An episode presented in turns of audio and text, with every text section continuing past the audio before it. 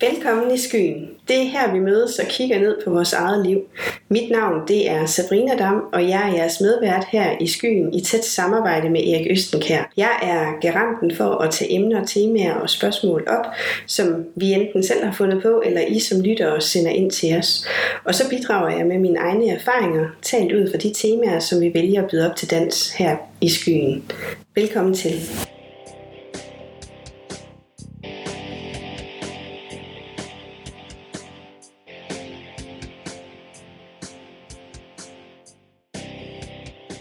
Jeg har taget øh, det her tema med i dag øh, til skyen, Erik, som jo skal handle om erfaringer, ja. som jo er, er noget, vi, øh, vi tilegner os igennem vores øh, oplevelser. Men hvad er oplevelser så egentlig for en størrelse, hvis, hvis, hvis vi skal prøve at, at kigge lidt nærmere ind i det? Jeg tror jo, at det handler om i, i store træk, øh, at vi er vidne til nogle begivenheder igennem livet, øh, som i større eller mindre grad har en påvirkning på os, øh, hvad end det er individuelt set, eller om det er kollektivt. Hvad, hvad tænker du om det? Jamen, øh, oplevelser, det er jo noget, jeg, det er noget, jeg ved, ja, der er. Fordi det kan jeg se, det kan jeg mærke, det kan jeg føle. Så det, det, det er der, hvor mit sensorapparat, det øh, registrerer, at jeg har oplevet her noget på den ene eller anden måde. Det kan jeg smage. Så ja. det er der, hvor vores fem sanser er i gang og operere. Og så kan jeg jo tænke mig en masse tanker og gøre mig en masse tanker om det, de oplevelser, jeg har fået via mit sensorapparat. Men det er det, der er oplevelser for mig.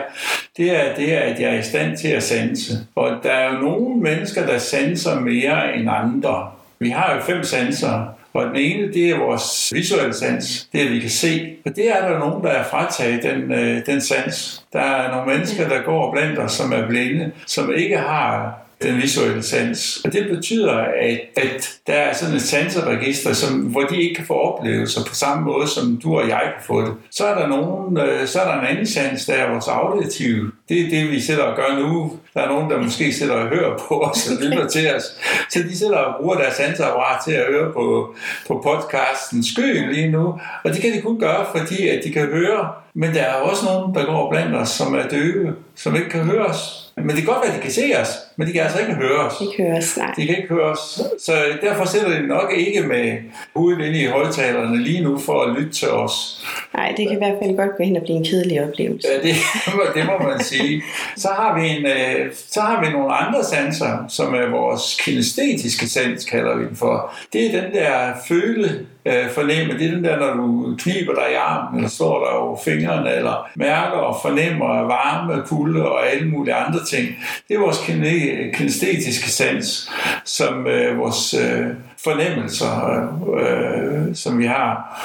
Og det, der er der også nogen, der kan fornemme mere end andre, eller mærke mere end andre. Altså, der er vi også virkelig forskellige på det punkt. Der er nogen, som er lamme, som ikke kan mærke sig selv fra halsen og ned, for eksempel. Så, så, det, så derfor er der også nogen, der har der fratræder taget en del af det sanseapparat. Det kan godt være, at de kan øh, mærke højere op i kroppen og op omkring hjernen, fordi de bliver nødt til at registrere det her, de her ja. ting. Så vi ved, at de ikke er hjernedøde i det mindste. Ja. Ja. Ja.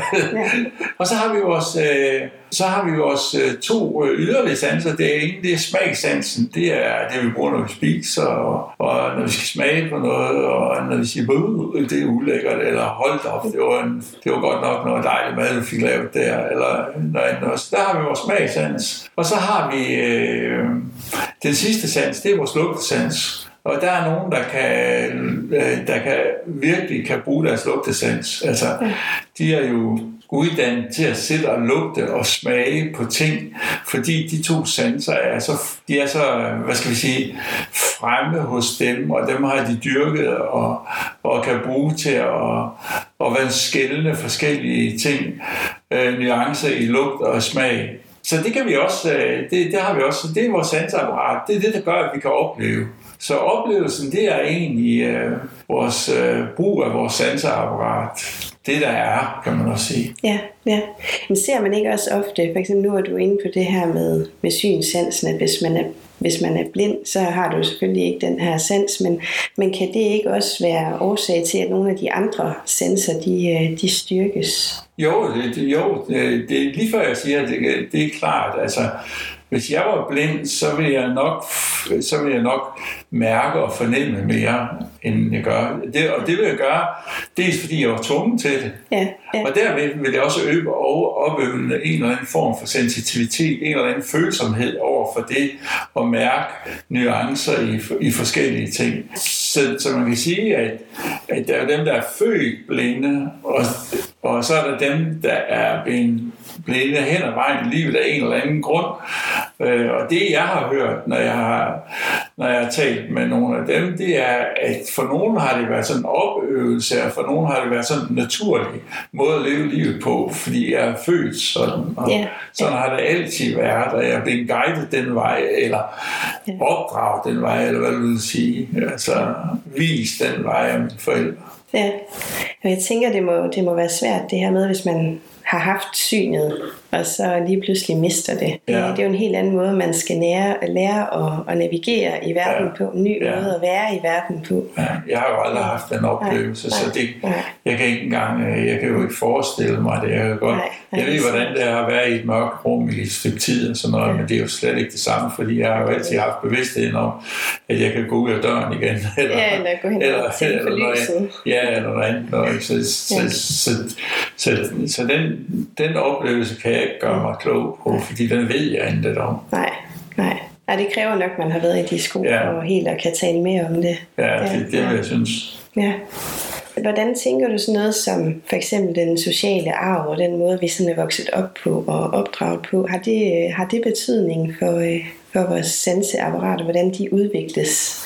Ja, helt bestemt. Ja. Altså, det, er. Det, er, det er sådan set ikke nogen, det er jeg ikke i tvivl om. Altså, at, altså hvis vi skiller derop, ikke, så kan vi skille det, at, at hvis vi skal erfare eller opleve tingene, så, så en, jeg kommer fra et uh, arbejderhjem, altså uh, for håndværkertradition. Altså det, ja. det er jo det, der ligger i mit hjem min far han var øh, slagter og pølsemager, så, det, så jeg kommer fra sådan et hjem, hvor hans brødre og søstre var alle sammen nogen, der var enten arbejdsmænd eller øh, håndværkere eller sådan noget i stil. Så jeg, jeg har jo det sådan dybt forankret i min øh, sjæl. Og så nogle gange, så kan man sige, eller så, så, øh, så kan jeg jo godt øh, sidde i dag sammen med nogen, der kommer fra et helt andet baggrund, altså fra en akademisk baggrund for eksempel, ja, ja.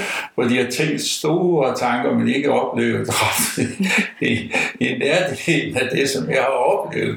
Ja, ikke for godt og ondt, så har de jo så ikke, så har de jo så ikke gjort det. Så, så de er gået den vej. Ikke? Altså, jeg, jeg gik jo håndværkervejen. Så, så jeg har jo oplevet det at være håndværker i sit tid, før jeg slog over og, og begyndte at arbejde med mennesker. Øh, så der ligger stor erfaring i det, at øh, i den måde at opleve verden på, i forhold til det, jeg gør, og det, som en, der opdrager i en akademisk familie, ja. som måske mere lytter efter tingene og gør sig en masse tanker om tingene, hvor jeg er sådan mere til, at nu får det gjort. Ikke? Altså, ja. altså, vi kan se, at vi kan godt sætte og skrive bøger omkring det at have det dårligt også, men det er nu ikke engang vigtigere, det er at få det godt.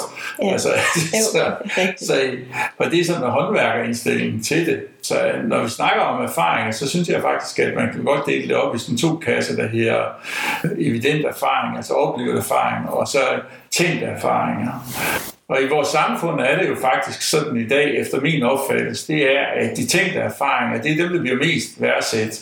Så og egentlig så vil jeg sige, at øh, det er jo fuldstændig tåbeligt, altså fuldstændig tåbeligt, at øh, fordi at man har gået en eller anden akademisk vej, så bliver man værdsat både menneskeligt og fagligt og økonomisk ja. og socialt øh, anderledes end dem, som har gået ud og arbejdet med, med deres at få den viden og få den indsigt og har lavet nogle ting og produceret nogle ting. Jeg forstår slet ikke den måde at, at, at opgøre det, og jeg vil aldrig nogensinde acceptere det. Men det er måske også, fordi jeg kommer fra den baggrund. Jeg, jeg må erkende, jeg er jo arbejderklasse barn, så, så jeg vil jo aldrig erkende, at en akademisk uddannelse overhovedet kan vægte i nærheden af det, som en håndværkermester kan vægte. Nej. Altså håndværkermesteren for mig er, er professoren. Det er håndværkernes springmand. Ja. Altså, det er dem, der får sat tingene i gang og får gjort tingene og kan gøre det selv med hånden og skabe noget. De kan bygge et hus, bygge et køkken, lave øh, sådan, at vi får lys og strøm på og varme og, og alle de andre ting, vi kan få. Ikke? Hvad kan Brinkmann lave? Eller hvad kan professorerne lave? Altså, de kan sidde og gøre sig store tanker Ja. Og så kan de få andre med på, at det er... Men, men de kan ikke leve af det. Altså, de, de dør af sult, hvis de skulle øh, leve af deres tanker. Ja. Så, så, så, så for mig er værdien virkelig vendt på hovedet ja. øh, på den der måde. Og det har, når jeg kommer med de her tanker, så kommer jeg det, fordi jeg kommer derfra, hvor jeg kommer. Det var jo dit spørgsmål. Ja, det var så. Det, ja. det var jo øh, om, om, hvad nu her, vores opvækst, den har noget at gøre med den måde, vi erfarer på. Ja, lige nok. Ja, helt bestemt. Ja. Ja. Det har den. Og den måde, du sådan har opfattet tingene på i, igennem din barndom og så videre, har det, har det haft indflydelse på de mål, du så har haft øh, for fremtiden? Jamen, jeg tror, jeg, jeg tror egentlig ikke som ung, der havde, øh, der havde jeg sådan nogle mål. Altså, øh, jeg tror, min barndom, den har gjort, at i hvert fald, at jeg har været i overlevelsesmode gennem mange, mange, mange år. Ja. Så, så man kan sige, det har jeg lært. Altså, det er jo en af de der fantastiske ting, man lærer i komplicerede familier. Det er, at hvis du, over, hvis du lever videre og bliver 75 ligesom mig, ja. så er du i hvert fald overlevet noget. Ja, ja. Øh, og det betyder ikke, at, at, at, du, at jeg på nogen måde føler mig fantastisk af den grund, men jeg har øh, trods alt overlevet det. Og så, men, så på den måde, der, der, der har jeg noget erfaring, jeg tager med mig. Altså noget, jeg har erfaret, som jeg kan bruge i mit liv. Altså, nu kan jeg sgu ikke engang huske, hvad du spurgte om. Hvad, hvad var det? Det var ikke med mål, ja, undskyld. Ja, det var det der med mål, ja. ja. ja. men ja, jo, selvfølgelig har det det. det. Altså, det er jo, jeg er ret vedholdende. Ja. Altså, og det tror jeg, det, det, er, det tror jeg er noget, jeg har med fra min familie. Det er, at jeg, altså, har jeg sat mig noget for, så bliver jeg ved. Altså, jeg sidder jo her som 75 år, og jeg laver min første podcast. Altså, helt vildt. Altså, jeg har et mål med det at leve. Altså, det er, det er hele tiden at være i gang og være nysgerrig, og hele tiden gøre noget, udrette noget, gøre noget med, med den måde, jeg kan gøre tingene på. Ja, ja. Øh, så jeg blander mig i ting, og har meninger om ting, og holdninger om ting, og så må jeg... Og, og så har jeg så lært, i, og det, det tror jeg, jeg har, og det, det har jeg med mig, fordi at, øh, at min familie gjorde sådan, at jeg blev på en eller anden måde en overlever. Man kan dukke mig rigtig, rigtig dybt, og jeg kan blive utrolig ulykkelig. Men inderst i min egen kerne har jeg altid haft den der følelse af, at jeg skal nok komme op igen. Ja, og, og er det måske i virkeligheden den vigtigste erfaring, du har gjort dig, som du holder fast i ja, den dag det, i dag? Ja, ja, det er helt, helt ja. stensikkert. Og det er også den, jeg har forsøgt at gøre redde for, sådan hen ad vejen i mit arbejde og i de bøger, jeg har skrevet. Det er netop den der kerne af, hvad er det der egentlig er? Hvad er den der drift, der holder mig oppe? Eller, eller gør det? Og det er også meget skægt, fordi det er også den, mange mennesker spørger mig til. Jeg får jo mange breve hen ad vejen, og mange mails hen ad vejen, hvor mennesker spørger mig, jamen, hvordan kan du have det på den måde, Erik? Og, og det kan jeg, fordi at jeg, jeg kommer fra den baggrund. Altså, og erfaringer, det kan du jo gøre, når du spørger ind til det her, så har jeg noget, som jeg tit og ofte siger, også til, øh, til de klienter, jeg har hos mig. Jeg siger, det er, at barndommen kan jo være, den kan du, den, den kan du være et offer for. Ja, ja. Og, og så er du et offer for det. Så er det, fordi far og mor og min barndom og min søskende og alt muligt andet, det var sådan, som det var, at jeg har det så dårligt, som jeg har det i dag. Eller sådan noget. Så er du et offer for det. Det er jeg ikke. Jeg er et resultat af det.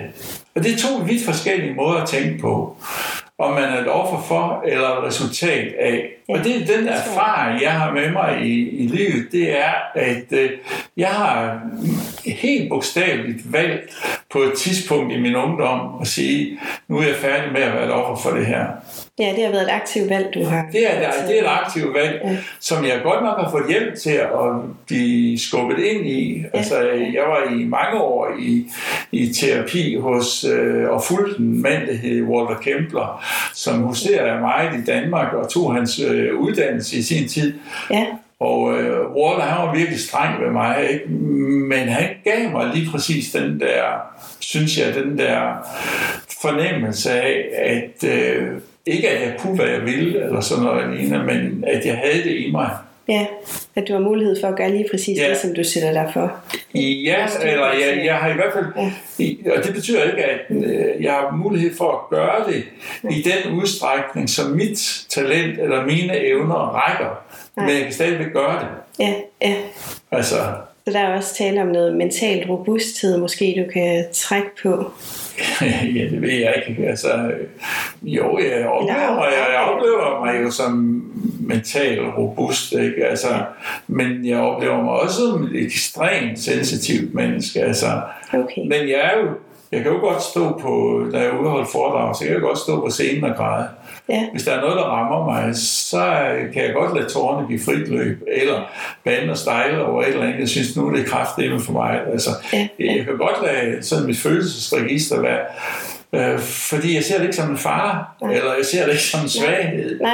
Jeg, jeg, ser det, jo, jeg ser det dybest helt som en styrke. Ja. Og den styrke har jeg jo fået ved at leve i den familie, jeg har. Fordi vi bliver nødt til at vende tilbage til det. Ja. Det, er, det er jo det, jeg har erfaret. Ja, ja.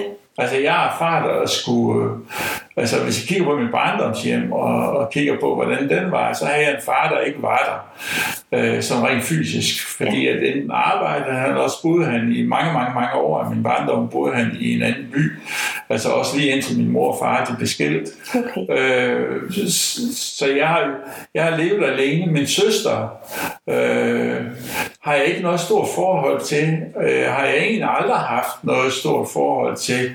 Øh, fordi hun har ligesom været øh, et andet sted, end hvor jeg var. Ja. Øh, øh, der er jo helt stor forskel på jer lige øh, der? Der er to-tre år imellem os. Okay. Øh, ja. Ikke mere er der ikke. Nej. Men min søster, hun var ved mine bedsteforældre. Øh, mere end hun var hjemme hos os. Sådan husker jeg det. Ja. Om det er rigtigt eller ikke rigtigt, men sådan husker jeg det i hvert fald. Ja, ja. Så hun var mere hos mine bedsteforældre, og var mere rettet imod dem, hvor jeg gik hjemme med min mor. Der var min mor og jeg. Så på en måde så var jeg enebarn på, på en måde. Men jeg var også enebarn med et ansvar. Jeg havde en mor, der var maniodepressiv, det man i dag kalder for bipolar, hvis man sætter diagnose på. Men jeg havde en mor, der, havde, der, der slåsede med et besværligt sind, vil jeg sige. Så, så der havde jo en erfaring øh, fra, der, der nok er dybt set grundlag for, at jeg har arbejdet med det, jeg har arbejdet med.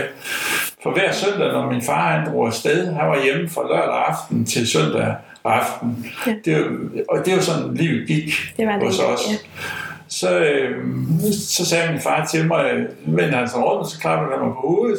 Lige siden jeg var helt lille, så sagde han til, til mig, Erik, pas nu godt på mor. Og så tog han bilen, og så kørte han til Viborg, hvor han havde sin... Så du var sådan en lille voksen i historien? Jeg har altid, jeg har altid, øh, jeg har altid passet på. Jeg har været ja. sådan en, øh, en, der har passet på min mor, og ja. Ja. senere hen. Altså, det har fulgt mig hele livet, stort set. Så, ja så det er jo lykke at finde ud af. Ja, jeg mødte en psykiater, der hed uh, Erik Olsen på ungdomspsykiatrisk afdeling i Viborg, som jeg arbejdede på et stykke tid. Og, og han sagde til mig, Erik, enten kan du blive den bedste klient heroppe, eller også så kan du blive den bedste psykolog heroppe. Ikke? Også det må du selv om, siger han så. Ja. Så siger jeg, det er dit valg. Siger så, så enten kan du tjene penge på det, eller også så kan du blive syg af. Så jeg valgte det der, der hedder at tjene penge på det i stedet for. Men det var meget godt sagt, og jeg har tit tænkt over det. Det var sådan en vindøjet mand med øjnene derude til at sige, Erik var et fantastisk dejligt menneske. Ja. Men han sagde det sådan helt bramfrit til mig, og det, det røg ind på det her tidspunkt. Så den erfaring fik jeg også med mig i livet, det er, at det kan bruges til noget. Jeg tænker, der må også måske have været en masse frustration forbundet med den rolle, du havde i, i din barndom i hjemmet. Til, ja, ja.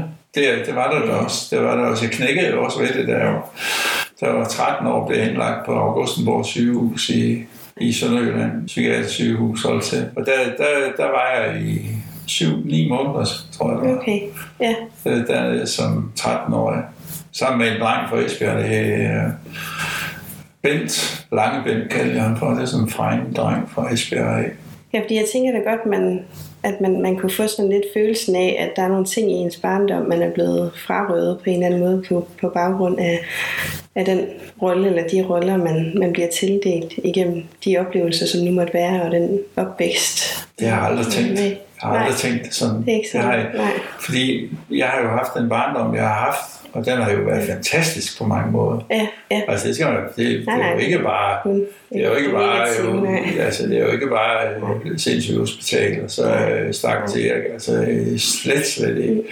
Der har har virkelig været fantastisk på mange måder. Altså, jeg har haft mange gode venner, og min morfar, for eksempel, selvom hun havde det skidt, var ekstremt kærlig menneske, og jeg var aldrig i tvivl om, at hun elskede mig uendelig højt.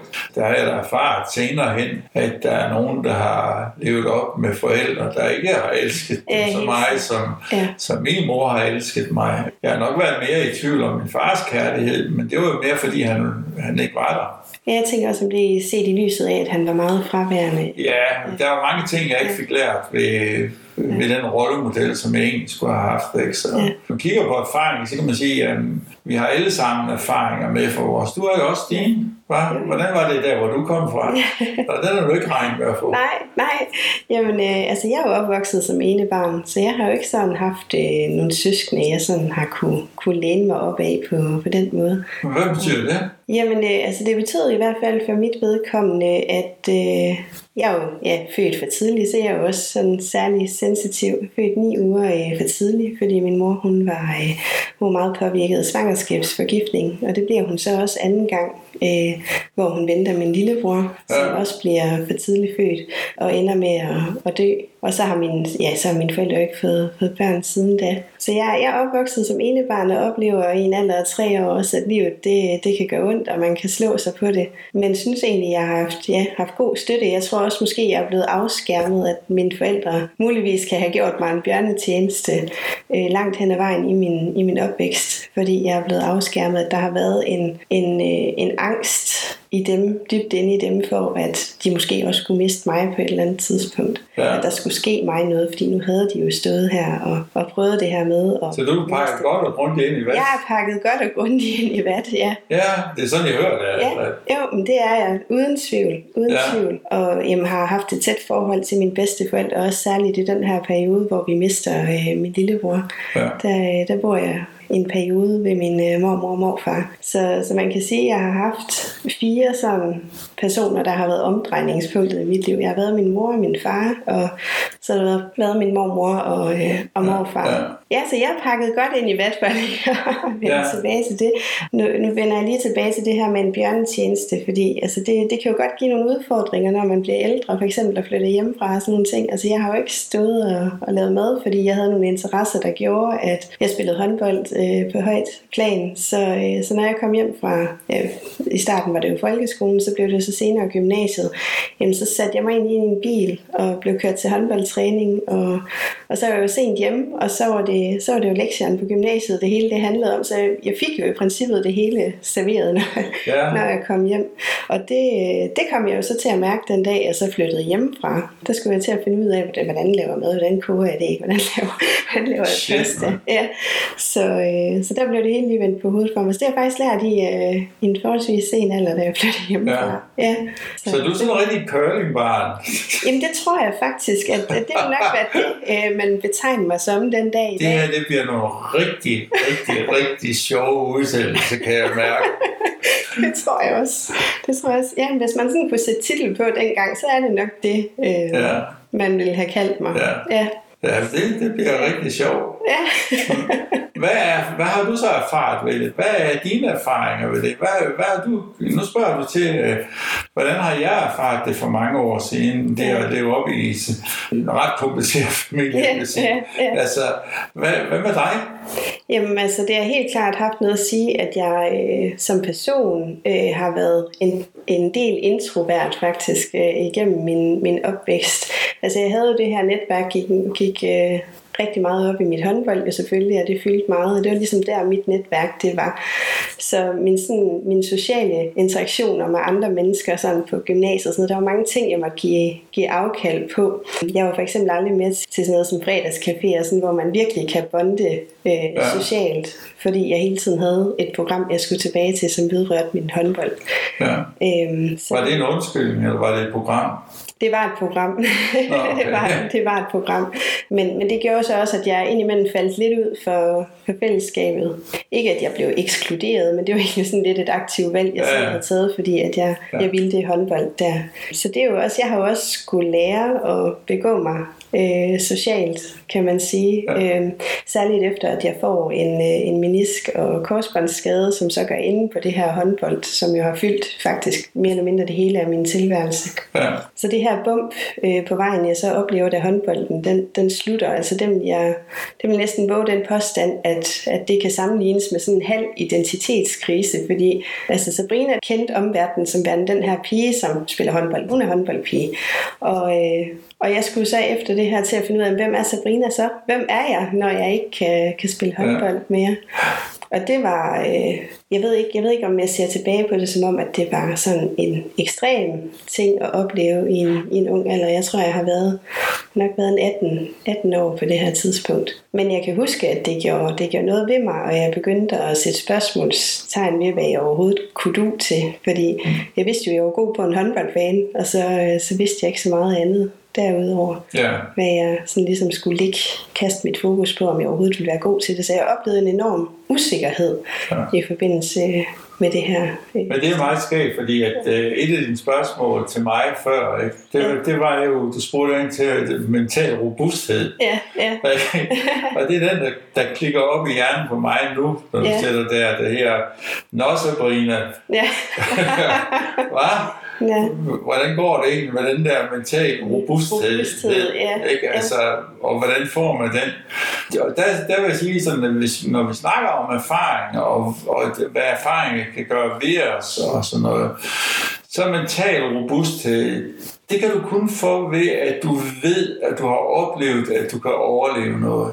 Ikke? Altså, jeg måtte opleve det i en meget tidlig alder. Ja, altså ja. faktisk stort set fra jeg blev født i dag, ja. var det, har det været en overlevelse. Ikke? Hvor det at være i overlevelsesmode, det bliver en normal almindelighed. Så når jeg møder det i dag, er det ikke besværligt for mig at være i det. Altså jeg kan jo gå ind til de største skænderier, til de mest, øh, hvad skal vi sige, højt råbende, udadreagerende mennesker, der råber og kalder mig alt muligt, og bevare roen. Fordi det ved jeg alt om, det der. Det ved du alt om. altså, det har stået i så mange gange, at det kan ikke, det kan ikke røre mig noget. Det kan ikke altså, ud af den. Det kan ikke hylde mig ud af den, ikke? Og, og det er lidt det samme, som når mennesker kritiserer mig, ikke? Også, ikke? Så tager jeg det ikke. Så, så siger jeg, kan det være noget om det? Altså, altså, ja, ja det er ikke sådan, at jeg bare tror på det, eller fordi at, at du synes, at jeg er en gammel nar, ikke? Også, ikke? så er jeg også det. Så tænker jeg, er det det, jeg er lige nu? Der tror jeg, jeg helt klart, at jeg har haft en tendens til at tage det ind. Ja, være tilbøjelig til at tro på de ting, ja. verden fortalte om mig. Ja. ja. Det er først i, i de senere år. Jeg tror faktisk, jeg tror faktisk den der selvsikkerhed, den, den er kommet, øh, kommet ind med i øje med, at jeg, jeg er blevet mor. Der, der synes jeg, man finder nogle, noget, noget styrke frem på en eller anden måde. Ja, det er klart. Så nu er det ikke dig, du drejer sig om. Nu skal du til at kæmpe for dine børn. Det er noget helt, ja, helt andet. Ja, noget. ligesom fokuset, det ja, bliver, ja, bliver flyttet. Ja. Ja. Det, kan, det kan jeg godt forstå. Det er, det, det, er, det er jo også en af de, de store punkter i livet. Det er, når man går derfra. Ikke? Det er der, hvor du, når du spørger ind til, til mig, så har jeg jo også børn og sådan noget lignende. Det har, det har været forskellige punkter i livet der. Nogle af dem har jeg takket godt, og andre har jeg takket rigtig elendigt. Ja, altså, ja. det er jo også de erfaringer, vi får. Ja. Så erfaringer, det er jo, øh, det er jo vigtigt for os, og vi, vi kan faktisk ikke undgå det. Nej, tak for snakken, Erik. Jeg, ja. Øh, jeg synes, vi er kommet øh, godt omkring det her tema. Det kan være, at vi vender tilbage til emnet i et, i et andet program, men jeg tænker, at vi skal til at afrunde. Ja. Og så, øh, så vil jeg da også lige gøre vores lytter opmærksom på, at øh, I jo kan finde os inde på Podimo, Spotify og Apple Podcasts. Og så er I jo også meget velkommen til at sende os nogle spørgsmål øh, til os inde på vores øh, Facebook-side Skyen eller på Instagram. Vi ses i Skyen hver mandag.